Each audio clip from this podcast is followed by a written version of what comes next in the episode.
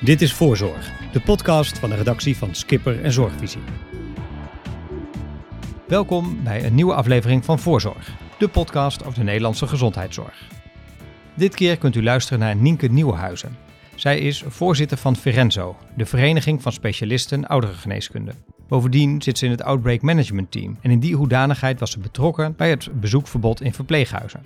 Toch nam ze de ruimte om daar in haar eigen verpleeghuis van af te wijken.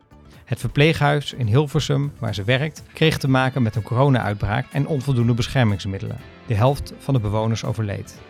Zij gaat erover in gesprek met redacteur Bart Kiers. Wanneer begon voor jou de coronacrisis? Ja, goede vraag. Ik denk dat hij toch ook al wel begon toen we in uh, Italië de uh, verhalen hoorden van uh, nou, hoe het daar ging. Dus de berichten uit Italië. en wanneer was dat? Ik ben de dagen ook een beetje kwijt. Januari, februari. Hè? Februari. Februari, ja. ja. Maar wat deed je toen?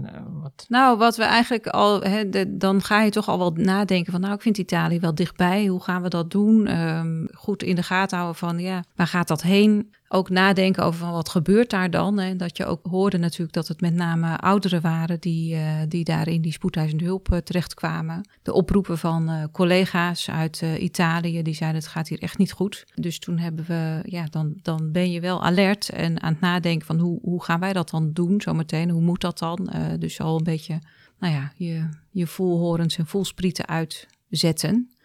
En tegelijkertijd, nou, misschien achteraf had je dan al meer kunnen doen? Hè? Daar heb ik natuurlijk ook al over na zitten denken. Maar tegelijkertijd blijf je ook nog een soort van uh, denken van, nou ja, dit, dat, dat houden we toch wel daar. Het is ook een soort van wensdenken, denk ik, wat we met elkaar hebben gedaan. Want het zal toch niet hier ook. Nou ja.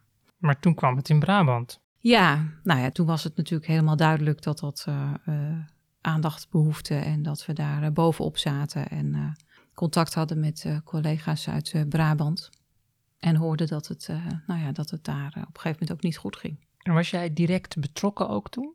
Nou ja, wat bedoel je met betrokken? Um, we hebben natuurlijk onze leden um, en uh, daar heb je dan contact mee. En je, sommige mensen die bellen natuurlijk het bureau. Dus in die zin, ja, we zijn wel betrokken. Maar de focus was op de ziekenhuizen eigenlijk, hè? Ja, dus inderdaad, wat is betrokken? We waren niet betrokken bij het landelijk beleid. Terwijl het beleid was, we willen kwetsbare mensen beschermen. Ja, terwijl je natuurlijk uh, weet dat uh, ja, de kwetsbare mensen zijn het kwetsbaarst, zeg ik altijd. Hè? Dat was op zich wel uh, gek. En toen al vrij snel was er een tekort aan persoonlijke bes beschermingsmiddelen zo'n beetje alles wat er was, ging naar de IC's en de ziekenhuizen. Daar kom je dus uh, in de loop van de tijd achter. Hè. Kijk, eigenlijk zijn we er ook achter gekomen dat we die hele structuur niet goed hadden. Dus voordat wij wisten dat er zo'n tekort was en dat dat eigenlijk niet kwam bij het verpleeghuis was je denk ik alweer een tijdje verder. We kregen signalen van leden van we hebben een tekort, er zijn geen spullen, waar halen we die eigenlijk? Nou, dan moet je daar eerst nog induiken van hoe, hoe gaat dat, waar zit dat? Nou ja, je lijnen uitzetten. Op een gegeven moment kwam je erachter van goh, ja, dat zit vooral gelieerd aan die ziekenhuizen. En dat gaat dus ook daar waarschijnlijk heen. Maar goed, er was natuurlijk een alom tekort, dat krijg je dan ook te horen. De ziekenhuizen zeiden ja, maar wij hadden ook een tekort. En daar zit dan vervolgens weer een discussie over van ja, maar als er een tekort is, hoe maak je dan afwegingen waar het schaarse materiaal naartoe gaat? En dat heeft heel lang geduurd, hè, voordat je met elkaar kon zeggen, nou, we hebben dus uh, wereldwijd en landelijk ook een tekort, maar nu moeten we het dan hebben over hoe verdeel je dan de schaarste? En dat was um, best heel lastig om, uh, om daar aan tafel te komen en dat probleem eigenlijk kenbaar te maken en ook gehoord te krijgen. Heb je veel moeite moeten doen om bij het OMT aan tafel te krijgen? Want uiteindelijk kwam je daar wel aan tafel. Ja, ik heb niet in eerste instantie gedacht, oh, het OMT, daar moet ik zijn. Dat, dat is dan ook niet meteen het eerste wat ik dan in uh, februari dacht of zo. Uh, zoals gezegd, je moet eerst even kijken van waar worden besluiten genomen en hoe loopt het eigenlijk? Wie is eigenlijk mee bezig? En uh, nou, dat, dat kost veel moeite. Dus we hebben heel veel moeite gedaan om uh, nou ja, contact te maken, verbindingen te leggen, met VWS te overleggen. Nou, om eerst maar eens even helder te krijgen waar, waar gebeurt het eigenlijk? Wie heeft het er eigenlijk over? Um, en ondertussen uh, doen wat we moesten doen, namelijk onze eigen richtlijnen opzetten, contact maken met het RIVM om daar samen te kijken van nou, waar zit dan op inhoud het advies? En uiteindelijk was ook het advies om dan ook in het OMT deel te nemen. Nou, zo ben ik daar dan gekomen. Maakte dat wat uit? Ja, dat maakte natuurlijk wel uit. Ja, zeker omdat je daar uh, in ieder geval uh, met elkaar uh, kan discussiëren over waar de data die er dan is vanuit het RIVM. Um, en uiteindelijk ook adviezen kon inbrengen van zullen we het zo doen. En dan met steun van het OMT kom je verder. En kun je een voorbeeld geven van zeg maar concrete invloed wat je had? Um, nou ja, we hebben natuurlijk sowieso de verpleeghuizen op de kaart gekregen. Dus het, het, uh, eigenlijk de adviezen die komen, die steun, worden dan gesteund door het, uh, het OMT. Waaronder bijvoorbeeld het beperken van dat contact en de bezoek. En ook de steun om te zeggen, ja, maar er moeten wel ook middelen heen en er moet getest worden. En dat waren natuurlijk hele belangrijke dingen die er niet waren. We hadden niet alleen een tekort aan beschermende middelen, maar we hadden ook geen mogelijkheid om te testen. Dat was echt bijna uh, te gek voor woorden, want je werd gewoon als dokter gewoon gezegd: ja, we hebben ze niet. En ze zijn voor de ziekenhuizen. En dan kon je uh, lullen als brugman, zeggen we dan netjes. Maar uh, nou, dat lukte dan soms mij dan nog wel, want ik liet me dan nog niet wegsturen en een aantal van mijn collega's ook niet. Maar dan kon je bij godsgratie één testje meekrijgen. Dat moest natuurlijk anders. En ik snapte heus wel het tekort, maar dan ging het me weer over van als er dan een tekort is, laten we dan kijken waar we die schaarse middelen inzetten. En is dat dan wel in het ziekenhuis de beste plek? Of moet je meer die preventie aan de voorkant doen? En dat is in de wijk eh, of in het verpleeghuis. En als je kijkt naar hoe de richtlijnen nu zijn, hè, die RIVM-richtlijnen, die zeggen nog steeds dat het oké is om een kamer binnen te gaan van een coronapatiënt als je zonder mondkapje, als je maar anderhalve meter afstand houdt. Probeer me vooral een beetje te richten op de verpleeghuissector en dat is eigenlijk daar waar wij ook onze kennis en expertise hebben. Wat nu de gedachte is, is natuurlijk vooral ook om te kijken naar wat meer naar de lokale situatie. En wat is de kans op het, uh, het krijgen van corona. En ook daarnaast kijken van, nou ja, wat heeft dat mondkapje nou voor schade en wat heeft het voor zin? Dus vanuit het voorzorgsbeginsel wel of geen mondkapje opdoen. Nou, daar, daar zijn we de hele tijd met elkaar uh, als professionals in, in gesprek. Oké, want het Europese RIVM en de Wereldgezondheidsraad, die zeggen van binnen anderhalf meter van de patiënt mondkapje op. Ja. Nederland wijkt af. Ja, dat is ook een beetje des Nederlands. Hè? dat past ook wel een beetje bij ons. Um, en er zit dan ook nog wel een achtergrond achter, hè? dus daar kan je van alles van uh, vinden. Maar wij hebben ook gezegd van, nou ja, in de regio zelf en in het verpleeghuis zelf hebben wij een heel goed team zitten, wat goed die afweging kan maken. Wat is nu voor deze locatie op dit moment het beste? Want het scheelt nogal of je dus in de, dat hebben we eigenlijk heel erg gezien, of je nou in de langdurige zorg zit, in de gehandicaptenzorg bijvoorbeeld, of dat je een uh, groep mensen hebt die somatiek hebben, dus die in principe wilsbekwaam zijn. En die moet je verzorgen. Die kun je al vaker makkelijker die anderhalve meter afstand houden.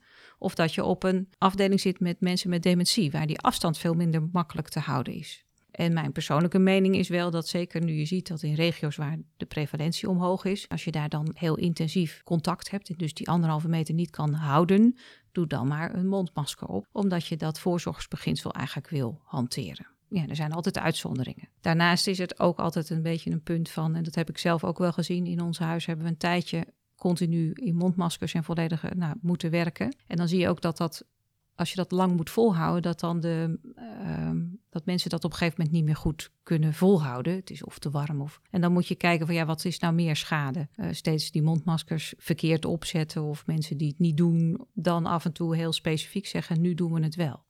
En ligt die afweging dan bij de individuele medewerker? Als die zegt, nou ik voel me niet veilig, ik wil een mondkapje op, kan dat dan? Nou ja, we hebben die richtlijnen, dat is dus het lastige. Bij VNVN heeft heel duidelijk die uh, professionele autonomie. Vanuit het infectiepreventiegedachtegoed is het op een gegeven moment wel zo dat als je het doet, doe het dan goed. Dan moet je ook allemaal die mondmaskers opdoen. Je moet elke keer kijken van nou, wat, hè, dus het, het, het, individu is altijd bij infectiepreventie een, een onderdeel van de groep. En zo moet je hem ook wegen. Je kan het niet los van elkaar zien, helaas.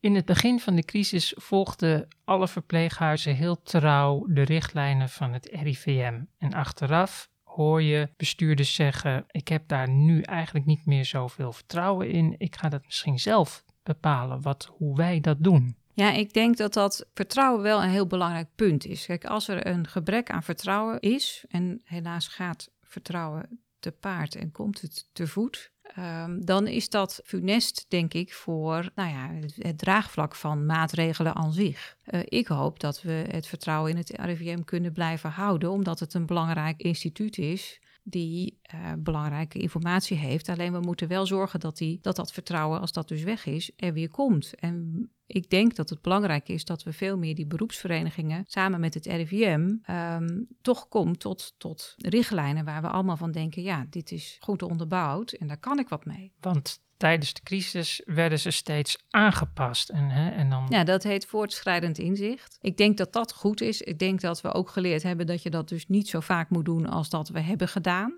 En ik denk dat we veel eerlijker hadden moeten zijn. Dus die, uh, dat die discussiespunt over schaarste, dat was er gewoon. En dat wisten we, want het was wereldwijd. Dus je moet dan die discussie kunnen voeren over van wat doe je dan in, ten tijde van schaarste. En dat, hadden we, uh, dat had beter gekund, denk ik. Maar het wil niet zeggen dat het RIVM nu voor mij helemaal afgeschreven is. En ik hoop ook niet dat die, dat, dat voor anderen zo is. Uh, en het zou denk ik ook zonde zijn om dat allemaal voor onszelf weer te gaan maken. Want dat is natuurlijk zonde van de tijd en het geld uh, en de menskracht.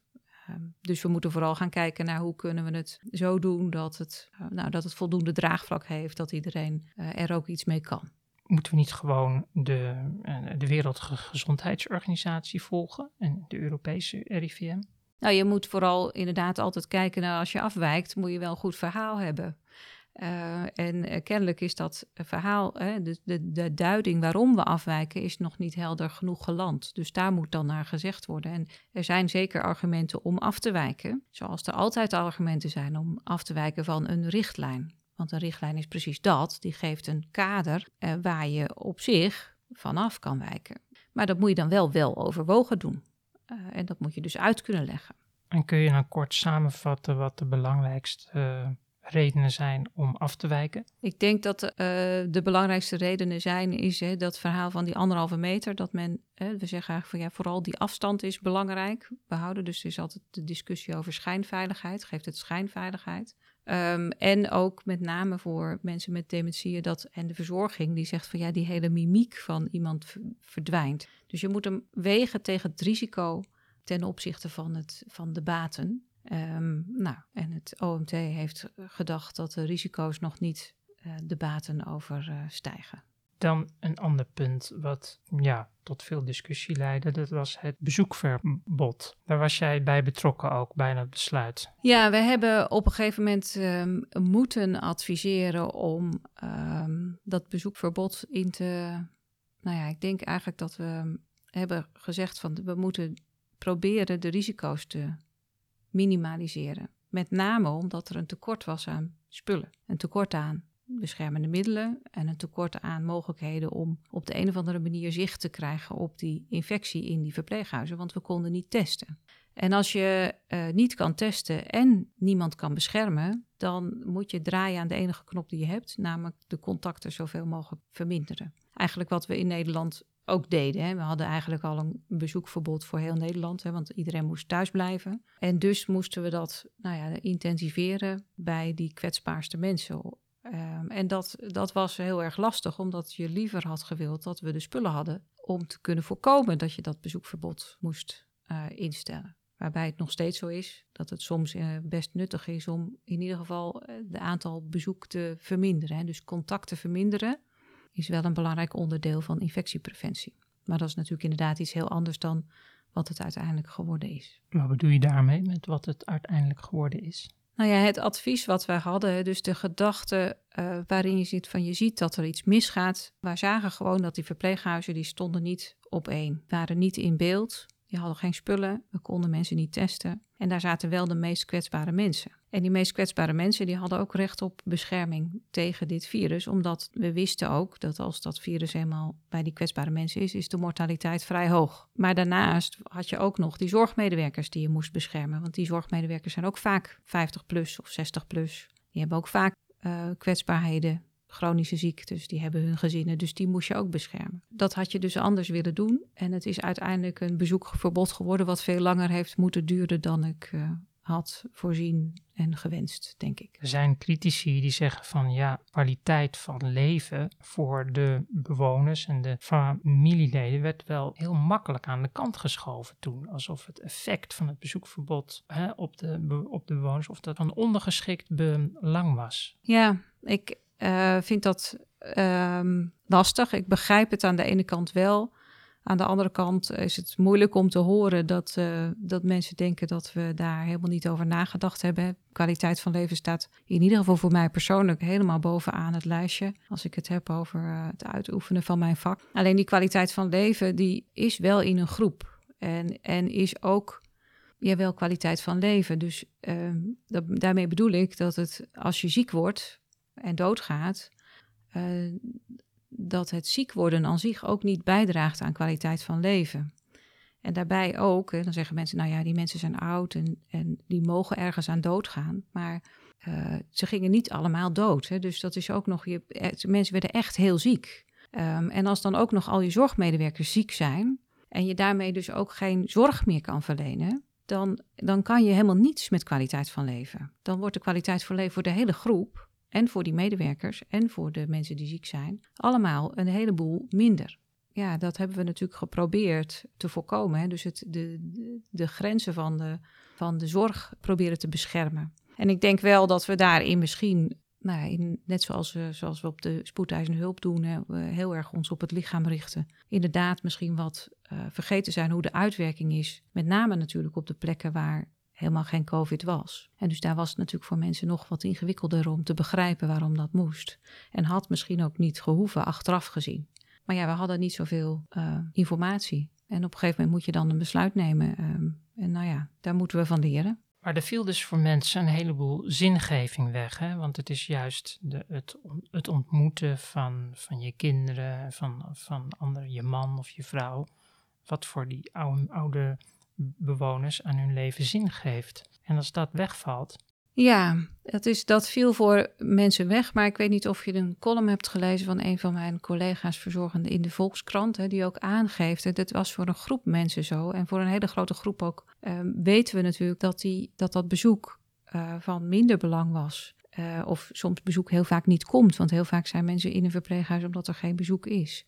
En dus ook daar zat heel veel individuele verschillen. We hebben ook verhalen gehoord dat mensen eigenlijk opknapten. Dat ook er enorme rust is gekomen op plekken waar. En dus dat sommige afdelingen, woonplekken, eigenlijk merkten van, oh, er komt rust. Het geeft, uh, dus ook daar kunnen we van leren. Natuurlijk wil je, net, en dat is vooral ook in de gehandicapte zorg natuurlijk ook, hè, dat je bij je kind wil zijn, dat je bij je moeder wil zijn, dat je daar naartoe wil kunnen. Dat is ook zo. En daar zit ook die, die vreselijk ingewikkelde balans tussen het individu en de groep.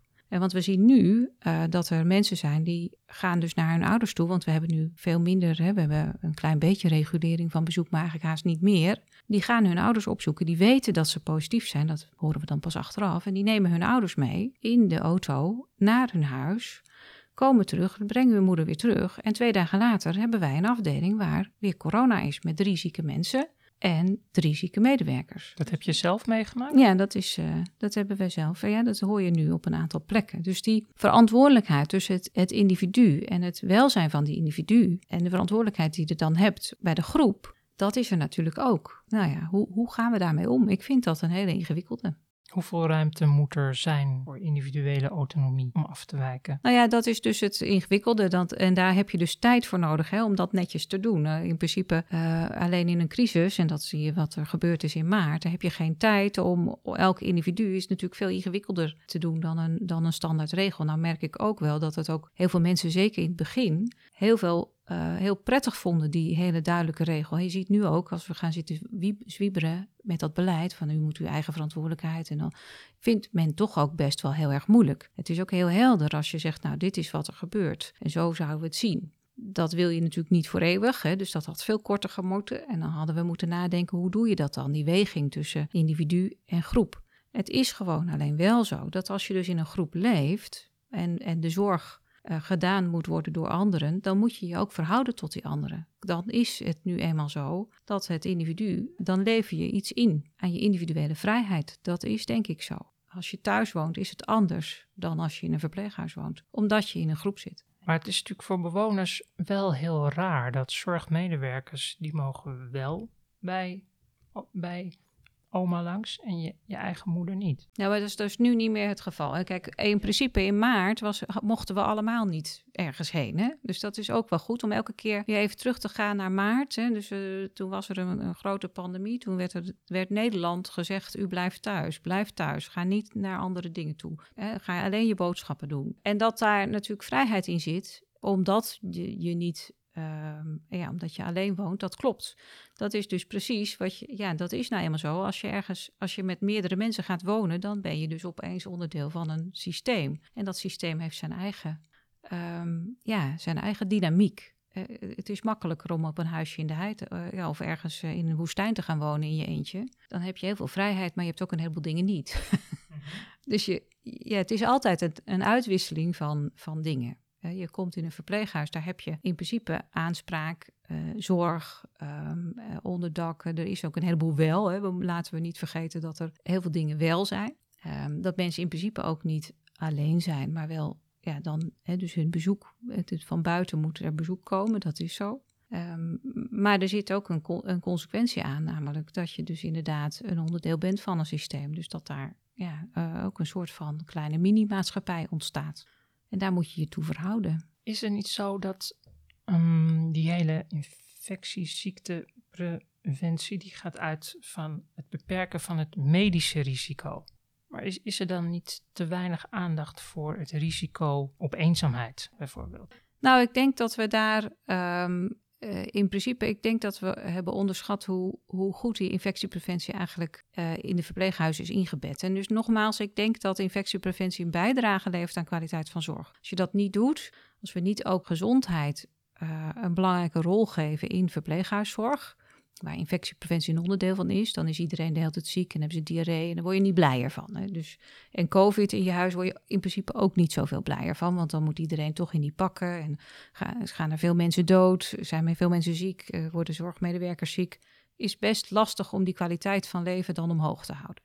Dat kan nu beter, omdat we de spullen hebben. Dus dat zijn we met z'n allen aan het leren om dat goed te doen. Maar ik ben met je eens dat we uh, in die tijd van crisis um, snel op een, uh, nou ja, dan krijg je vaak kokervisie. Dat zie ik wel, dat dat mogelijk gebeurd is, omdat ook mensen behoefte hebben in tijden van crisis aan, aan een soort van iets waar ze zich aan vast kunnen houden. Dus dat advies wat wij aangaven van doe nou die infectiepreventie en die infectiepreventie heeft, uh, en ja, dat was beschermingsmiddelen die we niet hadden. Dat was testen wat we ook niet hadden. En dat is het, uh, het beperken aan bezoek. Eh, en beperken van contacten aan zich. Hè. Dus ook medewerkers moesten zich uh, onthouden van contacten. Um, ja, dat, je, dat daar dus dan te weinig aandacht was voor die, uh, dat verhaal van hoe leggen we dat dan uit? Hoe maken we dan, hoe houden we wel contact? Hoe zorgen we dat dat wel goed gaat? Um, misschien te weinig um, aandacht heeft gekregen. Hoewel er ook gewoon heel veel goede voorbeelden zijn geweest. Dus ook daar mis ik soms het Ehm, het geluid van, nou, die sector heeft ook best wel heel veel goeds gedaan. Er waren heel veel plekken waar heel snel, heel creatief is geprobeerd om die um, verbinding met buiten wel te houden. En ook in staat waren om dat goed te doen. Want nogmaals, heel veel bezoek en heel veel mantelzorgers begrepen het in essentie ook wel. Die waren ook bang om dat verpleeghuis in te gaan en mogelijk ziek te worden. Het zoeken naar, hè, dus het, het feit dat je op een gegeven moment in een soort van nou ja, gevecht raakt, dat, dat helpt natuurlijk helemaal niet. Dus dat afwijken van die richtlijn. En dus dat is wat ik eigenlijk heb geleerd. Hè. Je, je maakt een richtlijn en um, daar moet je verantwoord van af kunnen wijken. En omdat het nu een pandemie was en een, en een ministerieel decreet werd, als het ware, voelden mensen ook niet meer kennelijk die ruimte om hun eigen verantwoordelijkheid te nemen en af te wijken, wel overwogen van een richtlijn. Wat ook zijn voordelen had, denk ik soms. Want het is ook wel fijn dat mensen ministeriële decreten uh, de waarde geven die het, die het zou moeten hebben. Maar waarom duurde het zo, zo lang, dat bezoekverbod? Omdat het dus zo lang duurde om die uh, randvoorwaarden goed te krijgen. We hebben heel duidelijk eigenlijk steeds gezegd: wat hebben wij nodig om het goed te doen? Dat is spullen en testen en we willen weer eigenlijk een beetje uit die, want je was, hadden een achterstand omdat we zagen dat het blijf, bleef stijgen. Omdat we die infectiepreventie niet goed hadden. Dat is eigenlijk precies wat je nu ziet als je gaat versoepelen. dan zie je dat dat virus weer de overhand krijgt. Als je dat niet goed kan indammen, ja, dan, dan loop je achter de feiten aan. Dus je wil eigenlijk, een, eh, ja, dat is een beetje een, inderdaad een, doktersgedachte. Soms uh, zachte heelmeesters maken stinkende wonden. Moet je eerst weer zorgen dat je het onder controle hebt. Dan kan je daarna uh, langer weer genieten van normale vrijheid.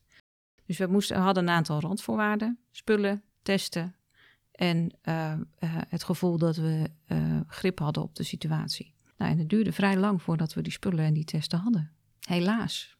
Hoe ben je zelf omgegaan met het dilemma tussen vrijheid en verantwoordelijkheid nemen als het om het bezoekverbod gaat? Heb je wel eens een uitzondering gemaakt voor mensen? Ja, kijk, die, we hadden altijd al de uitzondering over het feit van mensen niet alleen mogen sterven. Hè? Dus dat hebben we eigenlijk vanaf het begin gezegd. De stervensfase is uitgesloten. We moeten zorgen dat mensen elkaar kunnen bezoeken.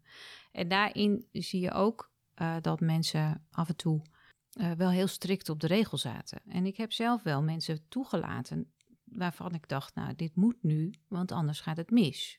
En die mensen zijn uiteindelijk niet overleden. Want ja, je kan dat natuurlijk niet altijd, ik heb, dat kan je niet altijd voorzien. En ik heb denk ik onderschat de manier waarop mensen omgaan met zo'n, met zo'n regel. En de verantwoordelijkheid die mensen durven te nemen. Want je moet daar dus dan voor staan. En je moet dat dan ook uitleggen waarom die mevrouw wel. En, die mevrouw is niet doodgegaan. Dat moet je dan vervolgens uitleggen. En daar moet je ook voor staan. En je moet er ook voor staan als er toch iets gebeurt. Hè? Want zometeen was er iets gebeurd met, die, met dat bezoek die was misschien ziek geworden of uh, er was misschien uh, nog meer, uh, de, verspreiding van dat virus was toegenomen. Dus je neemt dan een, een verantwoordelijkheid om um, nou ja, een bepaald besluit te nemen, omdat je daar vanuit je professionaliteit ja, denkt dat je, dat je daarmee het, het juiste doet binnen de beperkingen die er zijn. Als je nu terugkijkt op de coronacrisis, wat was je moeilijkste moment? Mijn moeilijkste moment uh, ja, was toch ook die bezoekenregeling. Om, ook omdat ik het gevoel had dat we niet helder kregen dat het zo belangrijk is om, om die sector uh, de spullen te geven die ze nodig hebben. Omdat het zo moeilijk was om aan te geven dat juist daar eigenlijk de focus moest liggen en nog steeds moet liggen eigenlijk. Uh, en eigenlijk zie je nu al dat dat alweer vergeten is. En we blijven nog steeds kijken, de media vooral ook, wanneer gaan die IC's nou vollopen? Ja, als dat gebeurt, zijn we te laat. Waar zouden de media dan op moeten letten? En die moeten letten op de, inderdaad de, de, de verspreiding van het virus in de algemene populatie. En hoe doen we dat bij die kwetsbare mensen? Hoe gaat het met die zorgmedewerkers? Hoe gaat het met de verpleeghuizen? Hebben die voldoende mogelijkheden om dat goed te doen? En hoe gaan we nou omgaan met dit virus? Waar zit daar, waar, wat zijn daar de essentiële keuzes die we met elkaar maken? En als je dan kijkt naar een eventuele tweede of misschien zelfs derde golf, zijn we er klaar voor in, in de ouderenzorg? Nou, ik, ik heb wel uh, goede hoop dat we er klaar voor zijn, zeker. Want ik, uh, ik hoor echt heel veel uh, mensen heel goed bezig. Alleen ik denk dat er nog zeker nog een wereld te winnen is. Met name op de verbinding tussen het verpleeghuis als onderdeel van de gezondheidszorg, als een onderdeel van de maatschappij. Hij staat nog te veel los van, van de maatschappij en te veel los van uh, de gezondheidszorg in zijn geheel. Het punt is dat we nog steeds erg verkokerd denken. We, we praten over de verpleeghuiszorg, maar die kan je niet loszien. Hè? Dus het, het openen van de scholen bijvoorbeeld, maar om even een knuppel in het hoenderhok te gooien, heeft direct invloed het verpleeghuis. Maar we denken soms nog dat dat aparte werelden zijn. Hoe heeft dat invloed? Ja, hoe heeft dat nou invloed? Nou, dat heeft heel, heel simpel invloed, omdat kinderen nu eenmaal ouders hebben eh, die werken en die werken in het verpleeghuis. Of kinderen die gaan uh, naar hun oma of opa toe, zoals we dus zagen. Um, hè, dus ook uh, jongeren die feesten in uh, Jorette Mar, die hebben, een, hebben ouders en die ouders hebben weer grootouders. Dus dit, mensen zijn natuurlijk verbonden. Dus dat zijn geen, uh, je kan ze niet loszien van elkaar. En uh, nou ja, de verbinding met de gezondheidszorg is, uh, met, de, met een ziekenhuis en met de huisarts lijkt me ook vrij evident. Hè, want dat is dus het verhaal. Als er nou toch weer ergens een tekort komt. En we hebben nu nog steeds een tekort aan handschoenen. Ja, als er nou een uitbraak komt, ja, je kijkt heel moeilijk, maar we hebben nog steeds een tekort aan handschoenen. Er is nog steeds best wel van, nou ja, waar gaan die handschoenen dan heen? En hoe gaan we dan zorgen dat als er een uitbraak komt, ehm, we niet gelijk eh, in een tekort zitten, maar kunnen we dan zeggen, nou, dan moeten de ziekenhuizen misschien iets minder, want eigenlijk nou, kunnen, we, kunnen we iets verzinnen om handschoenen te sparen. En dan het liefst overal, hè? dus de tandarts, die zijn ook weer aan het werk, maar misschien kunnen, ik weet niet hoe vaak die, hoeveel handschoenen die gebruiken. Nou, de, in die zin, hè, dus je kan veel breder kijken. Uh, dierenartsen, we hebben natuurlijk ook discussies gehad. We hebben in helemaal in maart kregen we gelukkig een bijval van mensen die in de, van de auto-industrie bijvoorbeeld, kregen we uh, handschoenen en mondkapjes. Dat is heel erg lief. Maar nou ja, we moeten ergens kijken naar van hoe, hoe halen we nou, hebben we goed zicht op nou ja, de landelijke voorraad en ook het landelijk verbruik. En doen we dat netjes. Als er ergens een tekort is, dan moet eigenlijk iedereen zijn, zijn verbruik aanpassen. Maar ziekenhuizen zullen niet toelaten van nou dat ze onbeschermd rondlopen. Nou, dat weet ik niet. Nou ja, onbeschermd zou ik zeggen, dat moeten we vooral niet willen natuurlijk. Um, maar ik denk dat ziekenhuizen ook best mee willen denken. Dat zie je nu ook heel erg duidelijk wel van dat alleen soms mensen niet wisten dat wij echt tekort hadden. Dat hoor ik nu wel eens. Dus mensen, ja, maar was het echt zo erg? Ik zeg, ja, het was echt zo erg. Dus het is ook een, een soort van ongeloof van, nou ja, dat kan toch niet, dat, dat jullie geen spullen hebben. Dat kan dus wel nou, dan moet je elkaar op, op, uh, in de regio wel vinden. Dat gelukt er gelukkig ook wel. Dat je dan zegt van nou ja, dan moet je elkaar op mensgebied vinden. De ene bestuurder die even belt met de andere. Maar ja, niet iedereen heeft dat netwerk natuurlijk zo gelijk uh, in, in, uh, in orde. Nu heb je zelf, je werkt zelf ook gewoon in, in een verpleeghuis. Ja. Um, daar heb je te maken gehad met COVID? Ja, ja ik was een van de gelukkigen met een vrij heftige uitbraak zullen maar zeggen. Kun je daar iets over vertellen?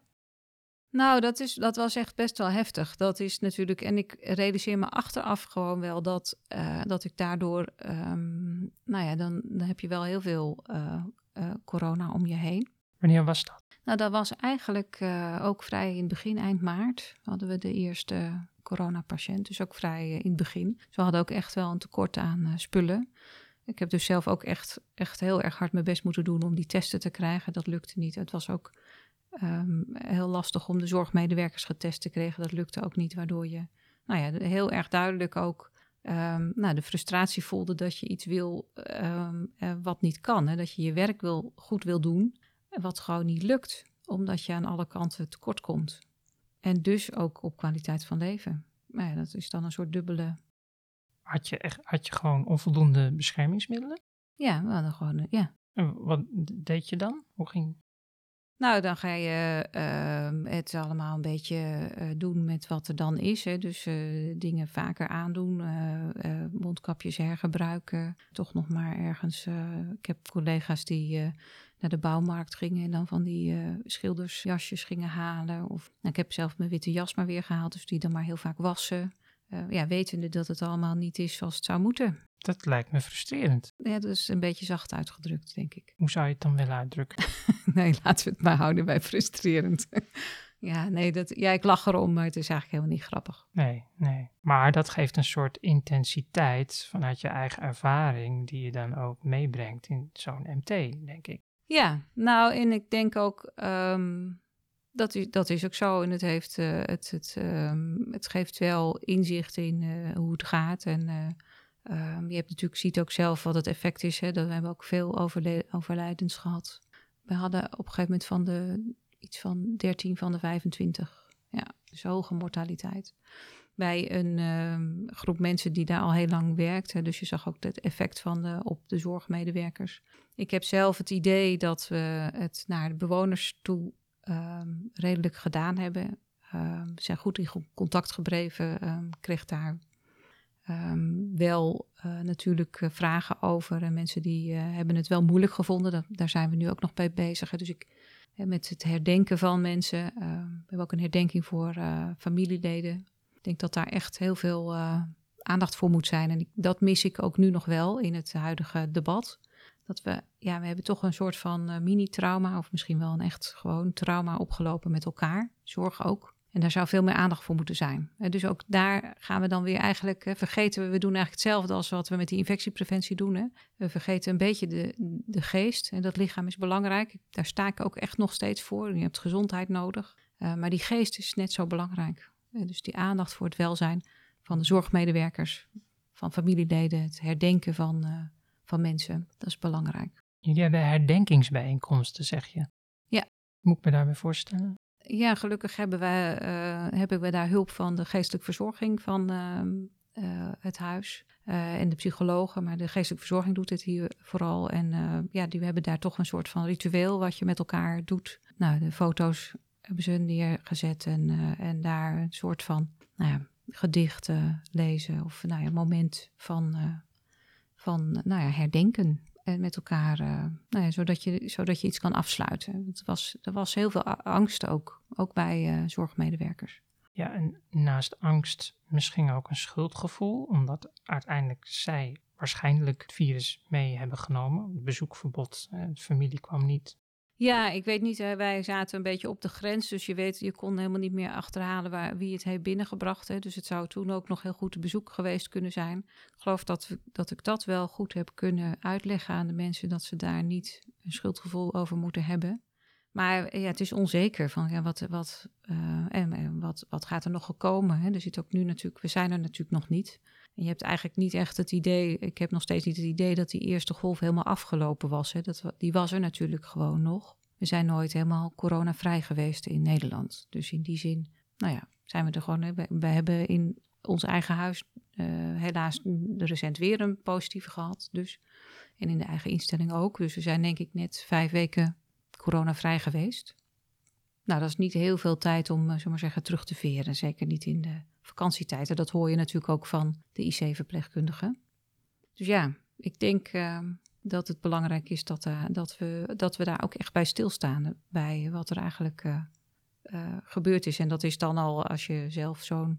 Hè, als je zelf echt corona hebt meegemaakt, is dat ook weer anders als dat je helemaal niet hebt meegemaakt. Want wat je eigenlijk nu ziet, is dat de mensen die corona hebben gehad, hè, de, instellingen, dat die eigenlijk wat zekerder naar de toekomst zijn dan de plekken waar het niet is geweest. Dus dan denk je, nou ja, we hebben het gehad, we weten wat we moeten doen. We weten ook een beetje hoe, hoe het gaat en hoe we daar. Uh, dat wil niet zeggen dat het makkelijk is, hè, dus het is wel beangstigend. Maar je ziet ook juist dat op de plekken waar het helemaal nog niet geweest is, het, hè, was het ook wel lastig om bijvoorbeeld veel eerder die deuren weer voor dat bezoek te openen. Dus dat is ook wel een interessante dynamiek. Maar nu heb je dus weer COVID in je eigen instelling. Uh, ben je dan niet bezorgd van dat zich dat gaat verspreiden? Ja, natuurlijk. Ja, dus, uh, maar het, wat zo enorm veel groot verschil is met, met maart, is dat ik nu spullen heb. Dus dat is, dat is, ja, dat is hemels. nou ja, zullen maar zeggen. En dus eventjes heel, uh, als je het hebt over dat, die frustratie. Als je iets niet kan, uh, omdat je de spullen niet hebt, omdat je niet erkend wordt dat dat nodig is. Dat is, dat is vele malen erger dan gewoon, hè, zeker als dokter of als verpleegkundige zijn natuurlijk pragmatische mensen. Nou, dan kun je kunt doen wat je denkt dat goed is en dan kunnen we gewoon testen en we kunnen gewoon ons beschermen en ons, onze zorgmedewerkers beschermen en nou, ons, onze richtlijn hanteren en, uh, en daar goede uh, wijze besluiten omheen maken. En als je nu aankijkt naar het groeiende aantal besmettingen in, in de hele samenleving en dat ja, de naleving van de basisregels niet meer zo is als in het begin, hoe kijk je daar tegenaan? Ik vind dat wel lastig. Ik vind het soms ook heel zorgelijk. Uh, maar ik vind het vooral lastig omdat we volgens mij niet het juiste gesprek voeren. En dat je um, dus inderdaad uh, moet gaan nadenken over hoe gaan we nou leven met dit virus. En dat daarin dus ook het gesprek moet zijn dat je dus die bescherming van die kwetsbare mensen, dat dat uh, belangrijk is. Tegelijkertijd nadenken over die kwaliteit van leven. Maar dat daar dus ook um, misschien wel bij zit dat je, uh, nou inderdaad, want je wil die kinderen, die moeten ook naar school. Uh, en dus het gesprek over van, nou ja, wat doen we wel en wat doen we niet ten behoeve van de groep en wie uh, uh, moet wat laten, dat is de ingewikkelde discussie die we met elkaar moeten voeren. Dus kun je zeggen van, goh, het stadion in het Feyenoordstadion gaat niet open. Dat is dan wat we moeten laten. Maar dan kunnen de kinderen mogelijk wel naar school. Nou, die discussie die wordt nog onvoldoende gevoerd. En ik weet niet het antwoord. Hè? Ik heb helaas niet het antwoord. maar ik, denk wel dat het belangrijk is dat we de, de moeilijke vragen moeten stellen. En ook moeten durven te beantwoorden en bij te sturen waar, waar nodig. Want het is wel duidelijk dat het ehm, nou ja, niet heel erg uh, makkelijk is om, ehm, nou ja, zoals het nu gaat, goed vast te houden, denk ik. Wat is nou voor jou de belangrijkste les uit de coronacrisis om anders te doen in de toekomst? Ja, de belangrijkste les is denk ik dat je communicatie echt heel erg belangrijk is. En dat dat dus heel goed is dat je daar op allerlei manieren handvatten geeft om over te brengen wat eigenlijk de bedoeling is. Um, waarbij we die kwaliteit van zorg bovenaan zetten. En elke keer weer uitleggen waarom doen we dit. Waarom zeggen we dat die infectiepreventie zo belangrijk is? Dat komt omdat we willen werken aan kwaliteit van zorg. Waarom zeggen we dat het bezoek beperkt moet worden? Dat komt omdat je wil werken aan kwaliteit van zorg. En dat daar uh, spanning in zit, dat je dat met elkaar erkent en dat je dan met elkaar kijkt wie, ja, hoe, hoe gaan we hier nou een goed antwoord op verzinnen. En daarin zijn, moet er ruimte zijn voor instellingen om, om, om daar zelf antwoord op te geven? Ja, dat denk ik wel. Alleen je moet ze ook wel de handvatten geven om, om dan die afwegingen te maken. En dat geeft ook wel veel verantwoordelijkheid, ligt dat bij die instellingen. Dus dat moeten mensen dan ook pakken. En dat zie je soms ook nog wel eens, dat mensen uh, wel de vrijheid willen, maar niet de verantwoordelijkheid. En hoe zou het moeten dan? Nou ja, als je vrijheid wil, moet je ook verantwoordelijkheid nemen. ja, dat is, dat is altijd een lastige. Je hebt ambities om de politiek in te gaan. Ja, ik heb uh, de afgelopen tijd uh, gemerkt hoe belangrijk het is, die politiek, voor uh, nou ja, wat er gebeurt, welke besluiten er worden genomen, welke vragen er gesteld worden. En ik denk dat ehm, nu meer dan ooit wel zichtbaar is dat we in de politiek nou ja, met name die kennis van medische zaken, het, dokterperspectief, maar ook het verpleegkundige perspectief of de psychologenperspectief, ja, heel erg mist. En um, nou, ik denk dat het goed zou zijn als er als, uh, meer mensen met uh, nou ja, die achtergrond uh, de politiek meehelpen om de juiste keuzes te maken. Dus dat is mijn gedachte daarbij. En dan is het altijd weer de vraag of de politiek, wie dat dan ook is, uh, dat ook zo zien en of ze me dat uh, gunnen. Want je ging bij het CDA, begreep ik dat goed? Dat klopt. En is dat al rond? Nou, ik ben wel lid geworden van het CDA en we zijn, uh, um, ik ben met wat mensen aan het praten over van hoe, uh, hoe het CDA dat ziet. En we, ja, er zijn natuurlijk allemaal al een heleboel mensen die ook allerlei ambities hebben en de juiste dingen willen. Maar kijken of we elkaar kunnen vinden. Succes. Dankjewel. Dat brengt ons aan het einde van deze aflevering van Voorzorg. U kunt zich abonneren op deze podcast via onder meer Spotify en Apple Podcasts. Op die manier blijft u automatisch op de hoogte van nieuwe afleveringen. Op skipper.nl en zorgvisie.nl leest u dagelijks het laatste nieuws en interviews, analyses en achtergronden over de zorg. Voor nu, hartelijk dank voor het luisteren en heel graag tot de volgende voorzorg.